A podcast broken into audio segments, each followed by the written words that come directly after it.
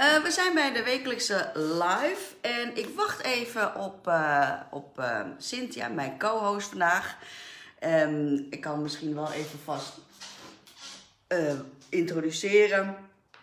Cynthia is vitaliteitscoach en vooral ook ervaringsdeskundige op het gebied van dieetterreur. Uh, ik denk dat er wel meer mensen. Oh, daar is ze al. Ik denk dat er wel meer mensen. Ik heb ook de vraag gesteld hè, in, de, in de groep. Eh, wie kent. wie, ja, omschrijf eens wat diëten voor jou betekent. En nou ja, er kwamen al verhalen van, van lijdenswegen en.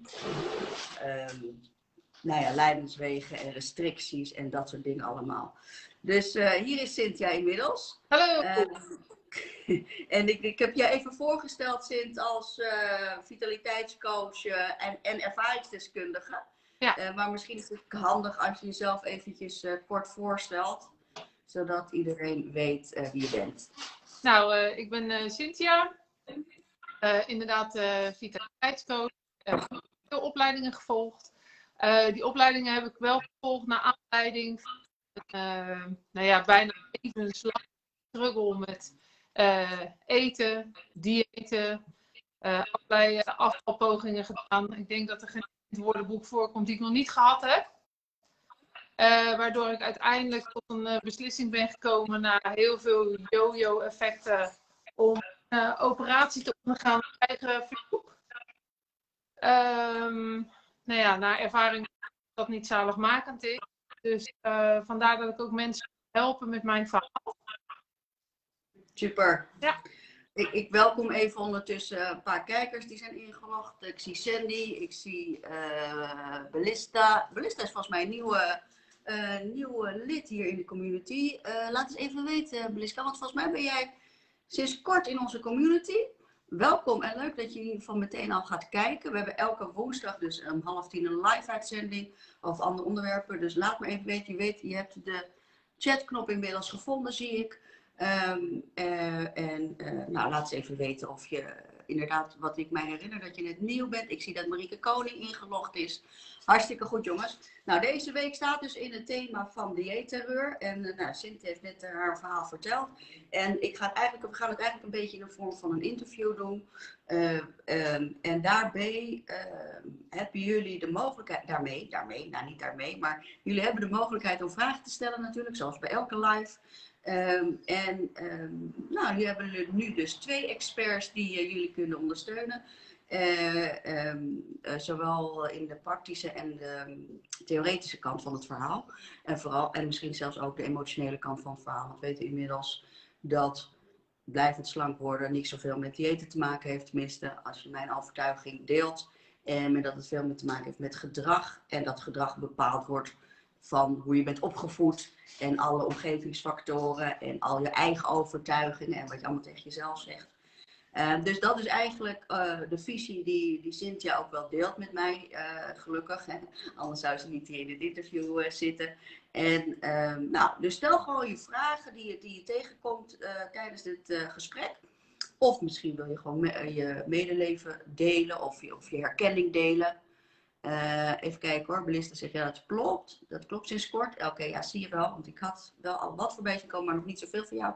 Nou ja, in ieder geval, ik zie dat Roosje inmiddels ook is ingelogd. Um, laten we gewoon lekker beginnen, jongens. Uh, dus nogmaals, stel je vragen als je die hebt aan Cynthia. Uh, dat kunnen praktische voedingsvragen zijn, dat kunnen emotioneel, emotioneel-mentale vragen zijn. Um, anyway, of luister gewoon naar het verhaal en deel met ons graag uh, of je dingen herkent, of dat je zoiets hebt van, nou, uh, dat heb ik ook meegemaakt. Weet je, dat is gewoon fijn voor de interactie van de van andere eh, communityleden. Uh, om daar uh, ja, om te voelen dat, dat je niet alleen bent met deze strijd. En we moeten het misschien al beginnen om het geen strijd te noemen. Maar laten we beginnen, Sint. vanaf welke leeftijd had je te maken met, met overgewicht? naar mijn gevoel is dat wel geweest al vanaf mijn tiende jaar. Wow. Uh, het, uh, ik bedoel, ik heb mijn eigen altijd al waardig gevoeld. En ik neem aan te weten dat ik altijd wel het paarse meisje van de Alleen als ik nu zeg maar nu terug zou kijken naar de foto's van mijn pre-puberteit, dan denk ik bij mezelf, waar maak Ja, ja. En was, was dat ook bevestigd door de buitenwereld? Of was dat iets wat je zelf eh, had bedacht? Nou, hoe werkt in het? de- vooral in, eh in gezin waar ik in. Ik heb een topjeugd gehad, dus daar wil ik niet over, eh, over eh, discussiëren, zeg maar. Alleen mijn moeder en mijn broertje hadden een andere bouw als ik mijn vader. Eh, mijn vader was stevig en ik volgde eigenlijk zijn, zijn lijn. Dus eh, ik was ook altijd stevig. En mijn moeder en mijn broertje konden eigenlijk altijd alles eten. En daar werd wel altijd op gelet dat wij dat zeg maar niet zouden kunnen. Dus van Aha, daaruit heb ik wel altijd begrepen dat ik aanleg had om zwaarder te worden of te zijn. ja, dus indirect wordt er wel een soort van ja, rekening mee gehouden. Maar dat heb je niet echt als negatief ervaren. Eh, Even kijken, ik krijg heel even voor Cynthia. Ik heb van Goedemorgen het geluid van Cynthia. Eh, hoe schrijf je haar naam? Is niet zo lekker. Ligt dat aan mijn computer? Ik weet niet, laat even weten andere mensen of jullie daar ook last van hebben. Of jullie het geluid van Cynthia eh, niet kunnen horen. Eh, en anders misschien, Cynthia, kan jij je koptelefoon opzetten. Dan is dat misschien iets beter geluid. eh, als ik mijn koptelefoon opzet, dan. En inplugt in de pc, in, je telefoon. eh, dat kan niet, want ik heb een iPhone en die heeft een ander. Oh ja, oh, ja, ja, ja, ja. ja. Eh, dat is jammer. Nou, ik laat even weten andere mensen of andere mensen Cynthia ook eh, eh, verkeerd of slecht horen. Eh, het hapert, zegt ook Ah. iemand anders. Eh, ja, van af en toe valt hij weg, zegt Sandy. Kunnen we er iets mee eh, regelen? Heb je misschien eh, oortjes die je gewoon in je telefoon kan pluggen? Nee, Misschien ietsje dichterbij zitten dan? dat is wel heel erg close. Ja, ik ben ik ook, ik heb ook een groot hoofd in beeld. Dus. Laat eens even, vertel eens even wat, Cynthia. Ik weet niet of het zo beter gaat dat er nu wat dichterbij gaan zitten en ik heb mijn eigen geluid wat zachter gezet. Gaat het nu beter, jongens? Cynthia heeft wat aangepast qua volume en qua dichterbijheid van. Dichterbijheid, ik weet niet eens of het een normaal woord is. Nou, volgens mij extra, ja, misschien inderdaad extra goed op bed. Stuk beter. Een stuk beter. Oh, super, super. Nou, fijn, dan gaan we gewoon door. We waren bij, in welke invloed heeft de buitenwereld gehad? Hè? Cynthia vertelt net dat ze er vanaf haar tiende jaar al eigenlijk met overgewicht, tenminste in haar hoofd, in haar gedachten mee bezig is. En wat de invloed dan is van de, van de externe wereld. Dus eigenlijk zegt Cynthia, hè, eh, moeder en, en, en, broer waren eigenlijk slank. En vader en Cynthia waren aan de stevige kant. Tenminste, dat werd op die manier eh, zo gebracht. Ja. Want als je dus van jezelf terugkijkt, foto's van die leeftijd, 10, 11, 12 jaar, dan is het niet dat je zegt, wat jongen, jongen, wat een dik kind. Nee, zeker niet. Zeker. Nee, nee, nee. En dat heb je dus meegedragen. En vertel eens verder, hoe, hoe is dat verder met de. Wat, wat, wat, wat heeft dat met jou gedaan qua Ehm, beleving van jezelf beleving van je lichaam? Nou, ik denk vooral als er eh, dus continu als eh, jeugd zijn, daar als er continu in de gaten gehouden wordt van wat eet je, Eh, snoep je veel of zou je dat nou wel doen? Of als je continu gewaarschuwd wordt om dingen niet te eten, dan denk ik dat je in je jeugd op het moment dat het dus wel kan, dat je dus die adviezen totaal loslaat en totaal eh, alle remmen eraf gooit om alles toch maar wel te eten. Ja, dus ook normaal natuurlijk in de puberteit. Dat Ja. je gaat afzetten, dat je eh, een beetje dat, het gevoel van dat juk, je eigen weg vinden. Ja. Hè? Puberteit is natuurlijk de leeftijd waarbij we ons vormen ook. Dus het is Ja. super belangrijk om, eh, om te kijken wat er dan in die tijd gebeurt. Hè? Dat, dat is ook precies waarom ik nu best wel een beetje mijn hart vasthoud voor de jeugd. Want hè, in deze tijd, leeftijd, puberteit, 13, 14 tot 21 jaar, is de tijd dat mensen hun identiteit gaan vormen. Ja, en ik denk ook dat het meegespeeld heeft dat, eh, net zoals de, de scholen, eh, ook niet echt meewerken met hun aanbod aan eh, eten. Want ik bedoel, de, de boterhammenzakjes, die vlogen al snel de prullenbak in, omdat er worst op zat wat je toch niet lekker vond. En roze koeken en chips en dat waren allemaal in de kantine te krijgen. Dus dat, Ja, ja, ja. Dat was de middelbare school dan, denk Ja. ik, hè? Neem ik Ja. aan, ja. ja. En, hoe, en hoe ging dat verder? Je middelbare school, werd je zwaarder of, Ja. of let je juist extra op? Of Nee, hoe werkte nee. dat? ging natuurlijk helemaal los. Want eh, Ja. op een gegeven moment op de middelbare school en daar natuurlijk uh, chips en roze koeken was daar wel een beetje het hoofdmenu. Uh, ja. Ik doe ook zeg niet alleen voor mij. Dat was daar gewoon heel standaard. Ja, ja, ja. ja ik herken dat wel hoor. Ik herken dat wel. Dus, uh, en aangezien, uh, nou ja, roze koeken dan niet heel erg favoriet, maar chocola zoals een Raider, of Twix heet dat nu natuurlijk. Ja, ja. en dat soort dingen, dat was allemaal vrij verkrijgbaar. Ja, en dat is wel mijn, mijn zwakke punt. Chips en chocola ja. vind ik ook gewoon echt super lekker. Ja. Ik bedoel, dat was... Nou, laten we eens even vragen, kijken of de kijkers die kijken nu uh, dat kunnen beamen. Is, herkennen jullie dat? Dat vanuit je eigen jeugd, uh, school, puberteit, uh, studententijd misschien, dat je dat de kantine meer je vriend was dan het boterhamzakje, zeg maar. Dan de boterham die je naar huis uit meenam. Op een gegeven moment nam je niet eens meer boterhammen mee, volgens mij, vanuit huis.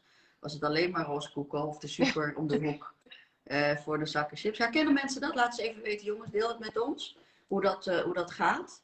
En toen, en toen uh, ben je aangekomen, neem, toen ben je aangekomen. In die periode ben je flink aangekomen of hoe werkt het? Vertel nou, in de periode ging het wel heel hard, maar ik zat op damesvoetbal. Ik ben wel altijd heel sportief geweest.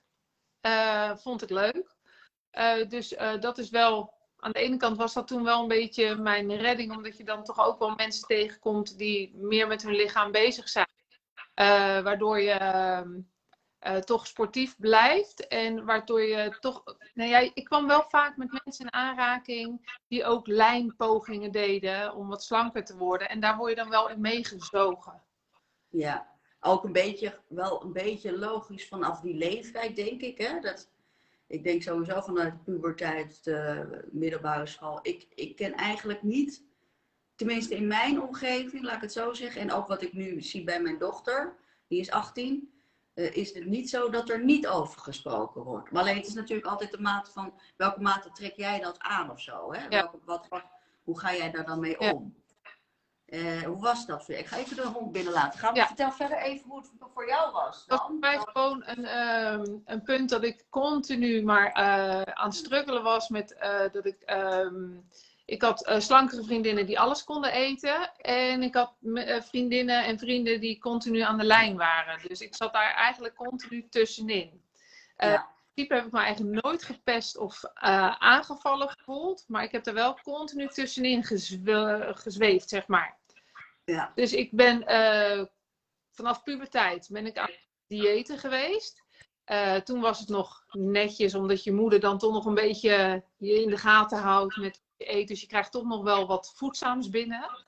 Maar uiteindelijk als je ouder wordt, uh, dan gaat het drastisch, drastische maatregelen ga je dan nemen om af te vallen. Dus uh, vanaf dat moment ben ik eigenlijk begonnen continu drastische diëten te volgen, uh, veel af te vallen en uiteindelijk ook weer veel meer aan te komen. En vanaf dat moment is het bij mij echt, heeft het echt wel hele slechtere vormen aangenomen. En dat is echt al vanaf um, puberteit geweest. Ja, ja. En tot, uh, uh, kan je uitleggen waarom daar geen rem op zat, op dat, op dat e-, overeten?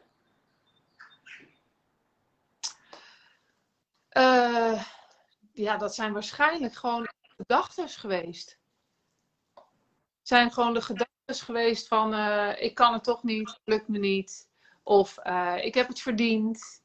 Uh, ik heb een tijd gehad, toen was ik al wat ouder. Ik heb intussen ook nog een kind gekregen. Dus toen voelde ik me eigenlijk al helemaal als een. ja, dus wel, ik zei altijd toen ik aan het einde van mijn zwangerschap was, zei ik altijd van nou, ik nu alleen maar aan het strand te liggen en dan komt Greenpeace me ophalen. zo zwaar was ik. En op dat moment dacht ik, nou, ik word nou. Wil je vertellen hoe zwaar je was? Ik, nou, toen was ik nog ineens op zijn zwaarst eigenlijk. Maar op dat moment voelde dat ik, ik woog toen 95 kilo. Ja, en toen was je zwanger. Ja, en mijn zwaarte ja. was echt wel uh, 120 kilo. Ja, ja. Dat ik ooit gewogen heb. Ja. Maar ik, uh, ja, ik merkte gewoon dat ik, ik, nou ja, alles was excuus bij mij om te eten. Ja. Ik bedoel, ja, ja. ik was jaloers op mensen die liefdesverdriet hadden en die kilo's afvielen. Want alles was voor mij een punt om te eten. Dus als ik uh, ziek was, als ik misselijk was, een ander eet dan niet, want die is misselijk. Maar ik denk, oh, misschien heb ik zout nodig. Of misschien heb ik een beetje suiker nodig. Ja. Alles was voor mij een reden om te eten. Ja. is dat herkenbaar voor de kijkers? Laat eens even weten. Share met ons even, jongens, wat jullie, uh, of dit een herkenbaar verhaal is. Het gevoel van dat je alles aangrijpt om maar te kunnen eten. Uh, eigenlijk niet eens, uh, eigenlijk hoor ik Cynthia niet eens echt een, een soort van aanleiding of zo. Het is, het is, kan, kan, heb je daar wel eens over nagedacht? Of er een aanleiding was tot eten? Ja? Ja. Eén? Nou ja, aanleiding tot eten was er wel bij mij altijd. Dus het was wel altijd emotie gerelateerd.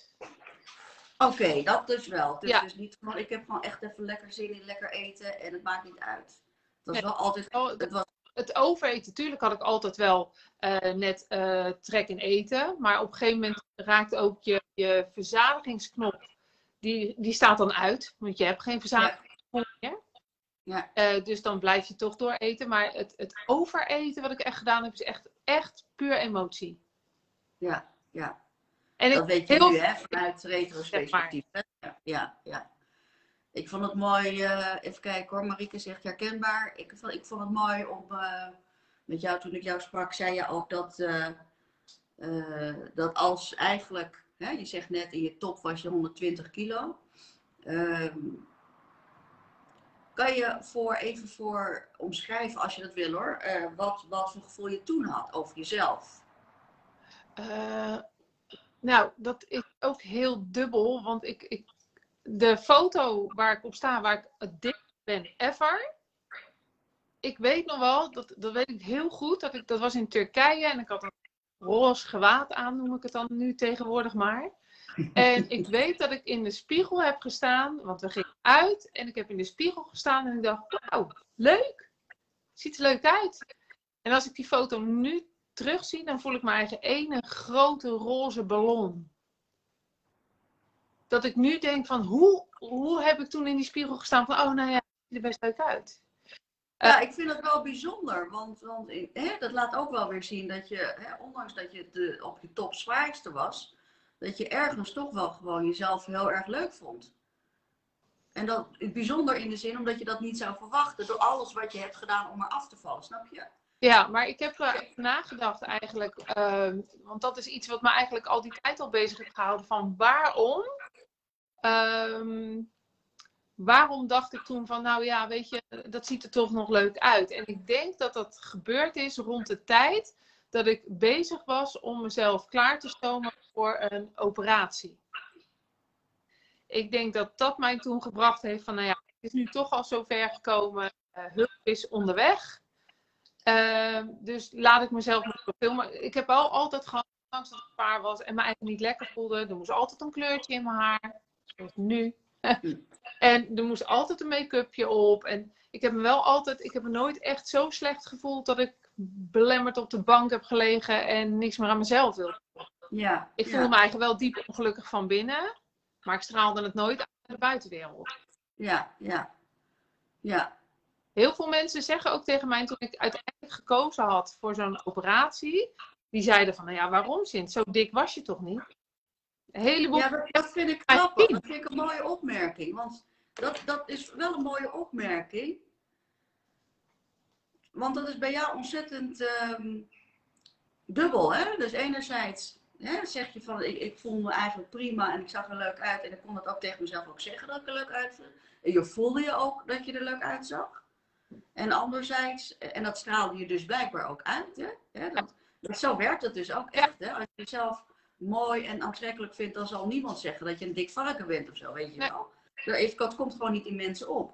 En dat, dat, eigenlijk bevestig je dat door te zeggen dat ook andere mensen verbaasd waren van, nou ja, die Cynthia, waarom zou je dat doen? Je zit Ja. altijd lekker in je vel, je straalt uit dat je, eh, hè, dat je happy bent met jezelf. Ja, alleen Ook- betekent wel dat niemand, ik noem maar even, eh, als wij zeg maar uit zouden gaan, niemand eh, heeft eigenlijk ooit beseft dat ik al huilend en al hyperventilerend voor de spiegel stond, omdat we uit zouden gaan. En dat ik gewoon alles wat ik aantrok niet leuk vond. Eh, de tranen in mijn ogen stonden. Drie keer ruzie of vier keer ruzie met mijn partner moest maken om überhaupt wel mee te gaan. Want ik was uh, topzwaar en ik had geen zin in dansen. Dansen is echt een passie van mij. Maar daar had ik geen zin in. Want dan moest ik met dat lijf gaan dansen. En op het moment dat je dan helemaal aangekleed bent en alles. En dat je dan uiteindelijk door je, je toenmalige partner meegenomen bent. Van joh Sint, kom op, zo erg is het allemaal niet. En uh, dat je het dan wel uitstraalt naar een ander. Dat je je eigenlijk helemaal top voelt. Ja. Ja. ja. Een beetje verlogenen van jezelf. Maar...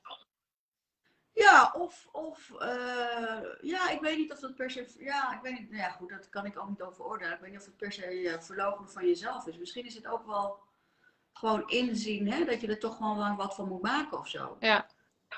Um, het is ook wel iets wat wij, wat we met Fitspel natuurlijk wel ook proberen duidelijk te maken. Hè? Dat uiteindelijk ben je niet, je identiteit is niet vet. Hè? Je bent nee. niet vet, je hebt vet.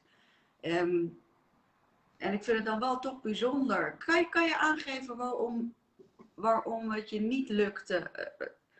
Uh, want je hebt wel eens tegen mij gezegd, als ik nu de kennis heb van wat ik toen had, had ik geen operatie gedaan. Nee. Kan, je, kan je eens uitleggen wat, uh, wat je daarmee bedoelt? Nou, ik had, toen die tijd had ik gewoon totaal geen, uh, geen kennis. En dan wil ik niet zeggen over voeding en dat soort dingen. Want daar werd ik natuurlijk met honderdduizend diëten echt helemaal kapot mee gegooid. Maar ik had gewoon te weinig kennis over mezelf. Ik had geen. Ja. Ik had alleen maar negatieve gesprekken met mezelf. Ja. Dus ik nam niet de, de, de, positieve kanten met me mee. Ik zag alleen maar de negatieve kanten van mezelf. Mm -hmm. Het lukt me niet, ik kan dit niet, ik blijf altijd ja. zo. En ik heb nooit de discussie met me aangegaan van, kan wel en waarom lukt het niet? Ja. Discussies heb ik nooit met mezelf gevoerd. Omdat je die kennis niet had, zeg je eigenlijk. Nee. Omdat je niet wist dat dat ook op een manier zou kunnen zijn om, uh, om eruit te komen en nee. anders met je lijf bezig te zijn. Nee. Um, en ik denk dat op dit moment nog steeds heel veel mensen dat hebben. 100 procent, Ja. 100 procent.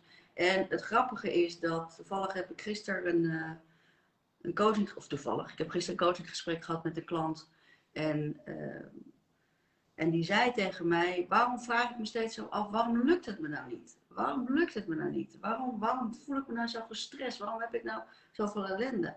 En het, iedereen moet zich gewoon beseffen dat, dat jouw hersenen zo geprogrammeerd zijn, dat wanneer je jezelf een vraag stelt, wilt je hersenen ook een antwoord hebben. Dus de kunst is natuurlijk om de juiste vraag te stellen. Ja. Want als je op het moment dat je gaat vragen, waarom lukt het me niet om af te vallen, dan krijg je dus allemaal redenen waarom je niet gaat afvallen. En, en waarom, uh, ben ik, uh, waarom voel ik me als een olifant? Dan krijg je allemaal redenen waarom je je als een olifant voelt. Dus daarom is het zo super belangrijk om jezelf te leren. En dat heb jij dus de kans niet gehad omdat je simpelweg niet wist dat het bestond. Hè? Uh, en dat is ook heel logisch, want nou, ik weet niet over hoe lang geleden we spraken, maar zeker tot, zeker tot tien jaar geleden en alles wat daarvoor lag, was eigenlijk echt alleen maar uh, uh, de, het ding om af te vallen was dieet en meer bewegen. Verder was er eigenlijk pas sinds de afgelopen, nou ja, 10, 7, 8, 9, 10 jaar begint dat tij gelukkig een beetje te keren. Ja. Dus het is heel logisch dat hè, als je overgewicht had en mensen die hier in deze, in deze community zitten, dat zijn allemaal mensen die al jaren, ruim 10, 20 jaar bezig zijn met overgewicht. Ja, toen was dat ook heel erg normaal. Hè? Toen was het gewoon overgewicht is dieet en meer bewegen. That's it. En dat, je misschien, dat het misschien met je gedachten te maken heeft of hoe je over jezelf denkt, dat werd helemaal niet over gedacht. En dat vond ik wel een mooie, want het begint, volgende week gaan we het hebben over, over self-reinforcement. Dat is het thema van volgende week. En eigenlijk zeg jij dat. Als je gewoon niet weet dat het ook anders kan, dan verval je gewoon in wat je wel herkent of wat je wel kent. Ja. En eigenlijk is het zo, als je dus want tot je operatie, hoeveel diëten in schatting heb je gedaan? Ik ben bang dat ik dat niet uh, meer op. Uh, dat kan ik zo niet op twee handen tellen, maar op tien handen volgens mij ook niet. Want ik ben op zo'n fase geweest dat ik niet langs de bladen in de super kon lopen. Want op het moment dat er een blad lag waar iets over een dieet in stond, dan nam ik het al mee. Ja, dus je hopte eigenlijk van het ene dieet in het andere dieet. Ja, ik hoopte eigenlijk ergens de sleutel te vinden ja, tot ja. hetgeen wat ik al jarenlang niet had kunnen vinden. Uh, Ja. niet wetende dat dat niet in diëten ligt, maar gewoon in mezelf. Ja, En tuurlijk. het is gewoon lastig als je natuurlijk van jongs af aan al zeg maar de, de goede gedachten niet hebt. Waardoor je Ja. zelf niet kan resetten, dan duurt dat gewoon heel lang. En op het moment dat je het dus wel kan, dus zoals ik nu zeg maar, want het is nu nog zo af en toe gewoon heel lastig. Ja. Komt gewoon omdat dat, dat brein is gewoon geprogrammeerd van jongs af aan. En dat krijg je niet zomaar even gereset. Ja, dat is waar. Dat is waar. En dat is een continu dus proces van bewustzijn. En wat je terecht zegt, hè, en jij bent dan nog vitaliteitscoach, dus jij hebt alle opleidingen gedaan, twee jaar aan het studeren geweest om Ja. te weten, moet, moet je nagaan hoe dat is voor de deelnemers, hè, die Ja. in deze zo- zo'n community zitten. Eh, die, hè, want kennis is toch wel een stuk waardoor het een en ander makkelijker gemaakt wordt. Hè. Als je weet hoe iets werkt, dan kan je vaak ook wel wat liever zijn. En dat verbaast vind ik ook wel, moet ik mij ook altijd zelfs van bewust zijn. Hè, dat ik met al mijn kennis, en mensen verbazen zich daar trouwens ook over. Ik weet dat Marieke mij wel eens, of eh, nee, niet die Marieke, maar Isabel geloof ik wel eens mij heeft geappt van eh, hoe kan het nou Mira, jij bent met alles wat je weet, heb je ook nog je valkuilen. Ja, de. Cynthia is vitaliteitscoach, ik ben ook vitaliteitscoach, maar we zijn alle twee ook mens, weet je wel. En, eh, en, da- en, en, en daar is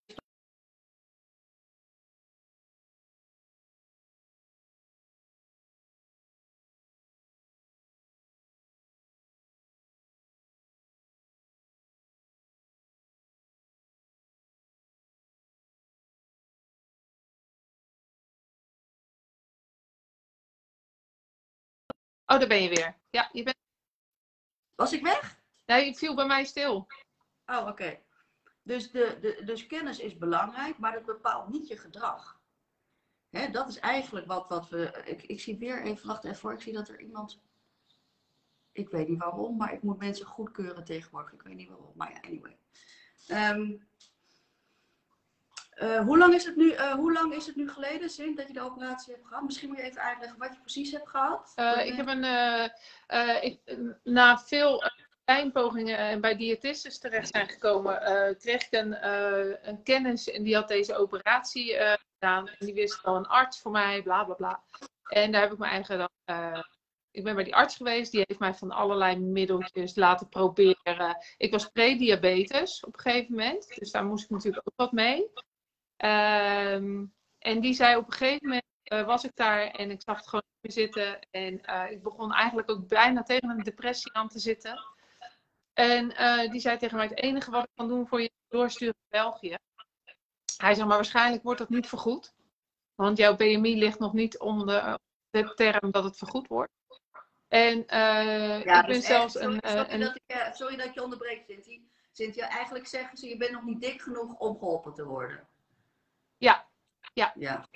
Ja. En eh, Ja. ehm, ik ben in België geweest. En ik heb mij eigenlijk op alles eh, laten testen. Eh, die man die zegt, nou ja, het kan, maar je moet het zelf betalen. Ik eh, ben een lening af gaan sluiten. Want ik dacht, ik ga liever drie jaar niet op vakantie dan dat ik nog verder ga in dit lijf. Ehm, totaal geen psychologische hulpgesprekken whatsoever gehad. Ik heb gewoon het bedrag betaald, ben geopereerd en na drie dagen mocht ik naar huis. En eh, het enige nagesprek wat ik gehad heb is met de internist hier in eh, Delft in het ziekenhuis. En die zei, nou het gaat goed. En eh, we doen nog een keer een botmeting na een jaar en eh that's it. En toen dacht ik van, ehm, ik moet hier iets en toen ben ik eigenlijk mij gaan verdiepen in, in voeding. En toen uiteindelijk ben ik alle opleidingen gaan doen eh, bij opleidingen 2000. En ja, toen ben ik eigenlijk tot de ontdekking gekomen dat eh, ik wist al dat een, een operatie niet zaligmakend is. Want dat voel je aan je lijf. Er zijn ook echt eh, ja, minpunten die je daaraan hebt. En eh, nadat ik al deze opleidingen heb gedaan, ben ik eigenlijk tot besef gekomen van ja, een operatie is niet zaligmakend en het hoeft niet. Je moet eigenlijk de, de, de, goede, ehm, de goede kennis hebben. En niet qua voeding, maar gewoon qua je lijf en qua jezelf. En het, de goede gedachtegang kunnen krijgen, kunnen creëren, laat ik het zo zeggen. Ehm, en met ondersteuning van je naasten kan je veel meer redden dan dat je eigenlijk aan een operatie hebt. Eh, ja, want jij hebt wel, hè, uiteindelijk ben je wel hè, met alle ellende die bij zo'n operatie, operatie komen. Wat mij wel opvallend was, dat je ook wel eens tegen mij hebt gezegd van, eh, mensen beseffen niet wat het allemaal inhoudt, zo'n operatie. Ja. Dat het wat het allemaal met je doet. Ja. Er wordt allemaal zo makkelijk over gedaan. Hè? We hebben het toevallig later nog over Ja. gehad. Hoe makkelijk nu er een maagoperatie wordt toegepast. Ja. In welke vorm dan ook. Hè? Eh, en dat, dat zien we ook wel. En, en misschien even belangrijk voor de kijkers. eh, om te weten, dat gebeurt inderdaad vele malen meer. De, de toelatingseisen, klinkt een beetje flauw, maar wanneer je zo'n operatie mag, is, is heel erg gezakt. Ja. Eh, dat was vroeger vele malen strenger dan dat het nu is. En dat heeft alles te maken, ja, hoe cru het ook klinkt, gewoon met commercie. Want iemand die een ge- gezond gewicht heeft, kost minder.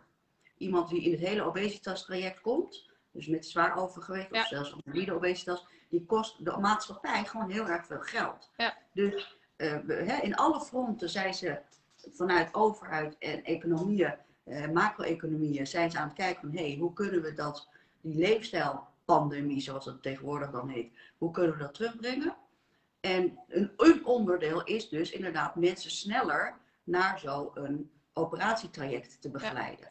Eh, en eh, het is misschien wel fijn, eh, Cynthia, dat jij kan uitleggen wat dat ook, ja, misschien voor nadelen, wat, wat, wat, wat- waarom, waarom, heb je tegen mij, waarom zei je tegen mij, mensen beseffen ze niet wat voor ellende er aan vastzit. Nou, ik, eh, eh, ik zit dan wel een beetje in het wereldje dat ik veel van dit soort mensen ken. En eh 9 van de 10 willen eigenlijk ook geen moeite meer doen om iets te proberen, om gelukkiger met zichzelf te zijn, waardoor ze keuzes maken, waardoor ze uiteindelijk een beter gewicht komen of gezonder gewicht komen. Dat willen ze eigenlijk nog geen eens meer proberen.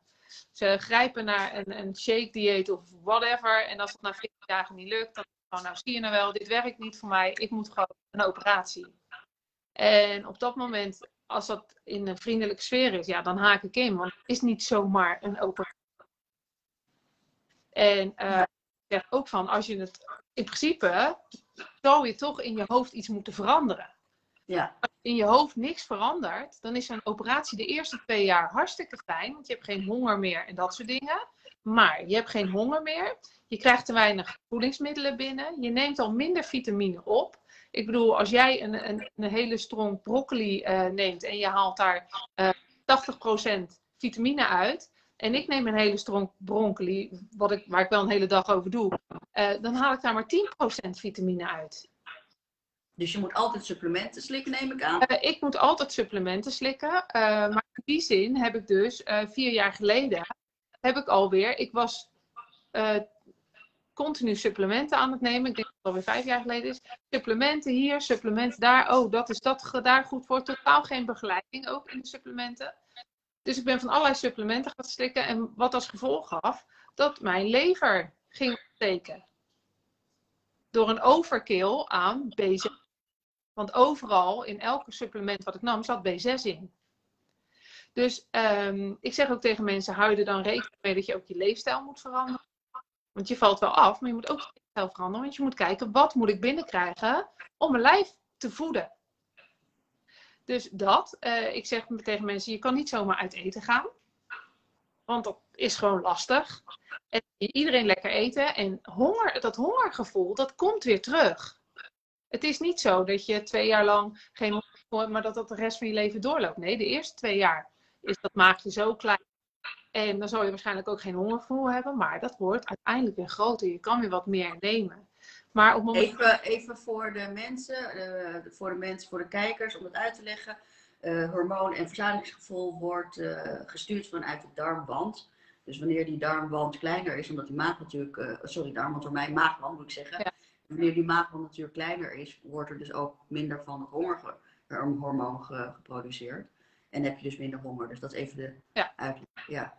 Maar uiteindelijk komt dat wel gewoon lang. En komt dat weer terug omdat die maag dan weer wat uitzet? Of, of is dat ook een mentaal ding? Dat... Eh, ik denk beide, want er zijn mensen die dus echt. eh, ik bedoel, ik ben dan een van de personen geweest die ja, na al die jaren eh, dat ik geopereerd ben, dat ik nog steeds niet kan overeten. Ehm, maar er zijn mensen die kunnen daar doorheen eten. En er zijn ook mensen die dus na een maagverkleining, na een bypass, ook gewoon weer zwaar worden. En misschien zullen ze dan geen 120 kilo meer wegen, maar dan wegen ze 110. En dan ga je je eigen afvragen, is die operatie het waard geweest? En Ja. eh, ik ben van mening, als jij eh, zo'n operatie ondergaat, dan moet je daar goed over nagedacht hebben. goede hulp hebben. Want als jij eh, hier niet verandert, dan loopt je lichaam eigenlijk alleen gevaar met zo'n operatie. Wauw, ja. Ja. Je maag wordt weer groter en weer groter.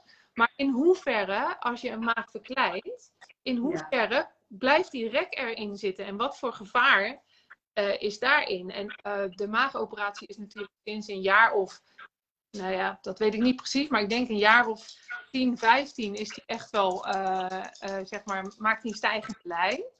En um, er is nog niks wetenschappelijks bewezen hoe dit over 20, 30 jaar, wat voor effect dat op iemand heeft als je een maagoperatie gaat laten doen. Ja, ja. En weet, je, weet jij, want je, werkt, je werkt ook bij de obesitaskliniek, hè? Weet jij uh, hoeveel mensen, um, wat het percentage is van het gewichtsverlies? Of hoeveel mensen dat ook afhouden? Zijn daar cijfers van bekend? Uh, nou, daar zijn nog niet. Ik heb daar de laatste cijfers heb ik daar nog niet van gekregen. Maar uh, zover ik weet, is er. Sorry. Um, de mensen die afvallen en slank blijven. Ja, precies. Is volgens mij net de helft. Ongeveer 50% Ja, ongeveer. Ja. Want er zijn ook mensen die de operatie weer, uh, um, weer een soort van moeten laten terugdraaien. Of dan gaat er weer wat veranderen, omdat ze uh, niet kunnen. Het lichaam kan niet tegen die maag. Ja. En dus ja. Die heeft dus een maagverkleining laten doen. Die werd super slank, maar die kon niks eten. Die hield ja. niks meer binnen. Dat lijf accepteerde het gewoon niet. En uh, daar hebben ze op een gegeven moment weer. En, kijk, gastric bypass kan je niet meer zomaar ongedaan maken. Dus daar hebben ze weer een hele omleiding qua maag en darmen moeten maken. Zodat ze weer kan eten. Kijk, wow. nu kan ze weer gewoon eten. Dus ja, ze wordt ook weer zwaarder. Want alle geneugten van het leven gaan weer uh, door het mondje. Omdat er hier niks veranderd is. Ja, ja, ja, je blijft het herhalen en dat is terecht. Dat is natuurlijk heel erg terecht dat dat herhaald moet worden. Maar eigenlijk zou je denken dat, hè, dat je, jij bent daar natuurlijk nu ook mee bezig om te kijken vanuit zo'n obesitaskliniek. Hè, waar zijn dan de hulpprogramma's voor deze mensen? Ja. En overigens even terug te komen op dat, op dat percentage, 50% is relatief natuurlijk een heel erg groot hoog getal. Hè, omdat we weten dat gewoon met gewone diëten uh, uh, 95% terugval is. Ja. Hè, dus dan is een terugval van, 75, van 50% ja. hè, natuurlijk een waanzinnig groot getal. Dus niet dat je denkt van ja. Anderzijds, in jou, van jouw kant van je verhaal, denk je, hè, dus ik bekijk het eigenlijk meer dus echt vanuit macroniveau. Dat je dan zegt, nou ja, 50% van de mensen kunnen we dus uh, blijvend van dat uh, overgewicht afhouden. Waanzinnig hoog getal. Uh, anderzijds hebben we dus natuurlijk, dat, dat, zegt natuurlijk helemaal, dat zegt iets over de financiën en dat zegt ja. iets over prognoses en dergelijke. Maar dat zegt dus helemaal niks over waar jij steeds op hamert. Wat gebeurt er in het kopje van die ja. mensen? Ja. En uh, jij hebt het ervaren als geen, geen goede begeleiding. Nou, nou, is het zo dat jij natuurlijk geopereerd bent in België. Ja. Is er, is, weet je of er verschil is? Want ik kan me voorstellen dat er een verschil is met Nederlandse begeleiding daarin. Als het goed is, gaat het in Nederland op deze manier dat je eerst uh, via het NOK uh, begeleid wordt voor nou, minimaal zes tot negen maanden, dacht ik. Uh, dan kom je in een groep te zitten. Dan krijg je een soort van groepstherapie, geloof ik. En daarna is het zo dat je na de operatie kom je ook volgens mij nog één keer per maand bij elkaar terug. En dan is er, zodat, ik geloof dat ik weet dat er ook nog iets met sport gedaan wordt. Uh, en um, daarna is het aan het groepje zelf of ze zich nog één keer in de zoveel tijd met elkaar afspreken. En dat één keer in de maand terugkomen, voor, voor welke lange voor welke periode? Volgens mij een jaar. Oké. Okay. Ja. Oké. Okay. En dat is wel vrijblijvend. Mensen kunnen vrijblijvend daar naartoe gaan, neem ik ja. aan. Dus in, uh, Zover ja. weet wel. Ja, en daar wordt informatie gewisseld van wat kom je tegen en waar moet je op letten enzovoort. Of is het meer een, een gespreksmoment met elkaar, meeting? Um, wat ik van een vriendin gehoord heb, is meer een soort van gesprek. Maar er wordt dan wel gevraagd van zijn er nog die ergens tegenaan lopen. En daar, daar vloeit dat gesprek dan uit, uh, uit voort, zeg maar. Ja, ja, ja. En, en, de, en de voortraject neem ik aan dat, dat daar dan ook kennis wordt gedeeld van wat de risico's zijn, de gevaren en, en de, hè, wat allemaal tegen kan komen. Ja. Kijk, en... de, de obesitaskliniek, uh, ik werk dan zeg maar voor een obesitascentrum, dus dat is net iets anders. Obesitas ja. die zorgt ervoor dat mensen voorbereid worden voor operatie. En het Ja. centrum waar ik voor werk, die eh, werken dus eh, niet eh, naar een operatie toe. Wij werken echt Ah, op eh, voeding, beweging en psychologie van eetgedrag. Oh, oké. Ja, dat is wel even wat anders natuurlijk. Ja, goed dat je dat zegt. Ah, oké. Dus jullie zijn vanuit het obesitascentrum wel echt al bezig met eh, het juist voorkomen van die operatie Ja. eigenlijk. Ja, Ja. in alle fronten. Ja. En ik weet ook dat jij psychologie van voeding eh, hebt gedaan. Dus daarin, Ja. ja, dus daarin ook een, eh, een aanvulling hebt hè, op dit gebied, neem ik aan. Ja. Wat, wat kom je tegen dan bij de mensen? Wat, wat, wat, wat zijn die vraagstukken? Zijn, überhaupt zijn de mensen daarmee bezig? Met, nee, mensen. Met mentale gedachten over hunzelf? Nee. Nee. Dat komt eigenlijk pas op het moment dat ik eh, zeg maar de mensen al een paar keer gezien heb. We gaan dan een onderwerp bespreken over psychologie van eetgedrag. Dus over belemmerende gedachten. sabotage. En ze moeten dingen voor zichzelf opschrijven als een soort van huiswerk. Eh, dan krijg ik pas berichten van, oh, dit is best confronterend. Dit heb ik eigenlijk nog nooit zo van mezelf opgeschreven. Dus ehm, ze zijn eigenlijk vooral bezig met eh, hoe kan ik afvallen. Ja, Eigenlijk alles is gefocust op afvallen. ja, ja. Terwijl dat inderdaad dus al, nou ja, 9 van de 10 keer korte termijn eh, is. Hè? Ja. Afvallen is dieet veranderen, lang, blijven slank worden is identiteit veranderen. En mensen zien gewoon niet het verschil. En Het is- ook nog heel vaak voor de quick. Ja, ja, zijn teleurgesteld als ze in een week maar drie ons zijn afgevallen. het is, het is, eh, het is bijna, eh, ja, ik vind het zo terug voor de mensen zelf. Weet je wel, dat ze, eh, overgewicht is misschien nog wel het laatste stukje taboe ook. Hè, er wordt, wordt echt, het, overigens is sowieso bodyshaming nog echt aan de orde van de dag. Ja. Het is eh, wat ik eh, hoor van mensen, eh, ook, ook, ook zo onderhuids, weet je wel, zo'n zo'n opmerking zo dat onderhuid, ja, steek onder water. En dat is echt nog aan de orde van de dag. Maar als mensen niet zelf de regie nemen om dat in te zien dat zij daar zelf in moeten veranderen, dan wordt het best wel lastig pakket. Hè? Dus, want dat- is ook wat jij ook wel tegenkomt, denk ik. Hè?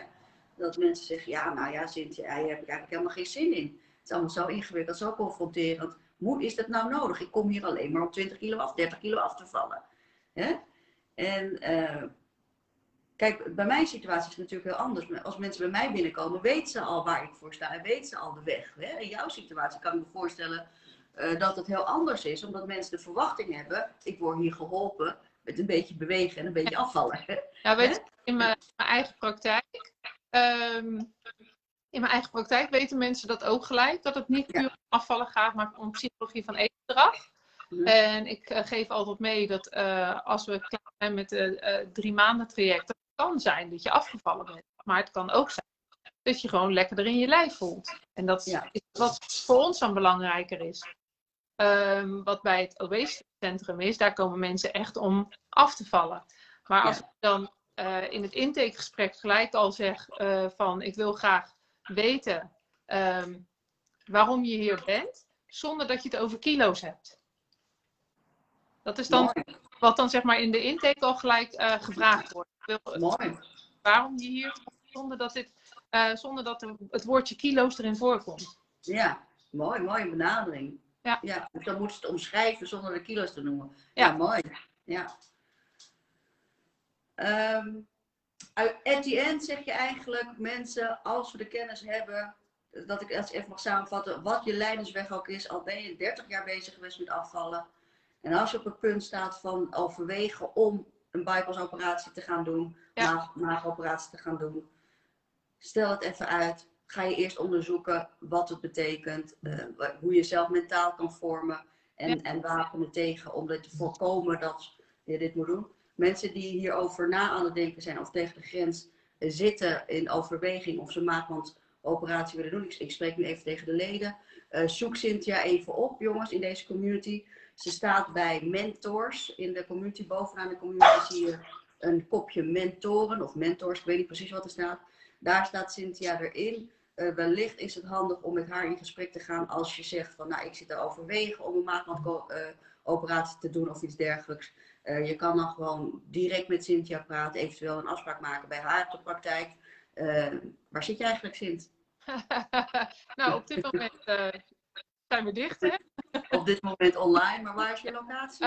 ik, vanaf 1 maart heb ik een praktijk in Pijnakker. Dus dat is Den Haag, Westland een beetje. Oh ja, dat gebied. Maar goed, nu is het allemaal online, dus mensen kunnen sowieso natuurlijk met jou in gesprek treden om, uh, als ze daarover willen doen. En uh, nou, ik ken Cynthia als een hele goede, leergierige coach. Uh, die, die, ja, die de tijd neemt voor mensen om, om tot de kern te komen. Dat is natuurlijk het allerbelangrijkste. dus ja, dat wil ik als voor de groep oproepen. Als je denkt van nou, ik wil eens in gesprek komen met Cynthia, meld je gewoon aan in deze community bij mentoren. Uh, dat hoeft niet meteen, dat is niet helemaal niet om meteen uh, uh, in de verkoop te schieten of consulten aan te bieden. Het, het, gaat echt om informatie uitwisselen. En nou ja, Cynthia, Cynthia heeft eigenlijk gezegd, jongens, laten we nou kijken of we het kunnen voorkomen. Omdat mensen, het is niet een, een, een, een het is eigenlijk hetzelfde. Ik vergelijk het eigenlijk nu een beetje met die, met die corona-vaccin. mensen hebben toch het idee dat wanneer ze het vaccin hebben gekregen, dat ze dan alles mogen doen. Terwijl de realiteit is dat ze het vaccin hebben en nog steeds hetzelfde regels moeten houden. Ja. En, en dus die mentale gedachte van, als ik nou eenmaal die maagwandverkleining heb, nou, dan val ik automatisch af en hoef ik er nooit meer over na te denken. Dat is dus echt iets wat jij duidelijk steeds aangeeft van, dat moet echt rechtgezet worden. Die gedachte dat je niet aan jezelf hoeft te werken of maar hoeft te denken dat er geen fysieke consequenties aan zitten. Die gedachte moeten mensen echt eens eventjes uh, loslaten. En nou ja, nogmaals uh, voor de leden, want ik ga zo afsluiten. Uh, leden zoeken Cynthia op in, de, in het kopje mentoren. Als je hierover wilt praten, sowieso als je een keer een intake wilt maken met Sint, doe dat gewoon. Of gewoon hier in de community wilt praten. Mochten er vragen zijn naar aanleiding van dit gesprek, kunnen dat ook onder de video nog even gezet worden. Daar zal, als het voor Cynthia is, Cynthia dan zelf even op reageren. Ja. doe dat vooral, want we willen zo graag uh, dat, we, uh, dat we zoveel mogelijk gaan, mensen gaan bereiken met het besef dat je door jouw mentale staat zo ontzettend veel kan veranderen. Vele malen meer dan dat je uh, tot nu toe misschien denkt. Dus ik hoop dat jullie deze oproep ter harte nemen. Cynthia gaan opzoeken. Als je overweegt om een maagbandcorrectie of een maagoperatie te doen, ga eerst eventjes in gesprek met Sint. Sint, dankjewel voor je tijd en je toelichting. Jullie ik ook. hoop dat mensen er wat aan gehad hebben. En nou ja, jij mag de vragen beantwoorden. Ja, nou, oké, okay, doen doe ik met plezier. Dankjewel. Dag. Dag.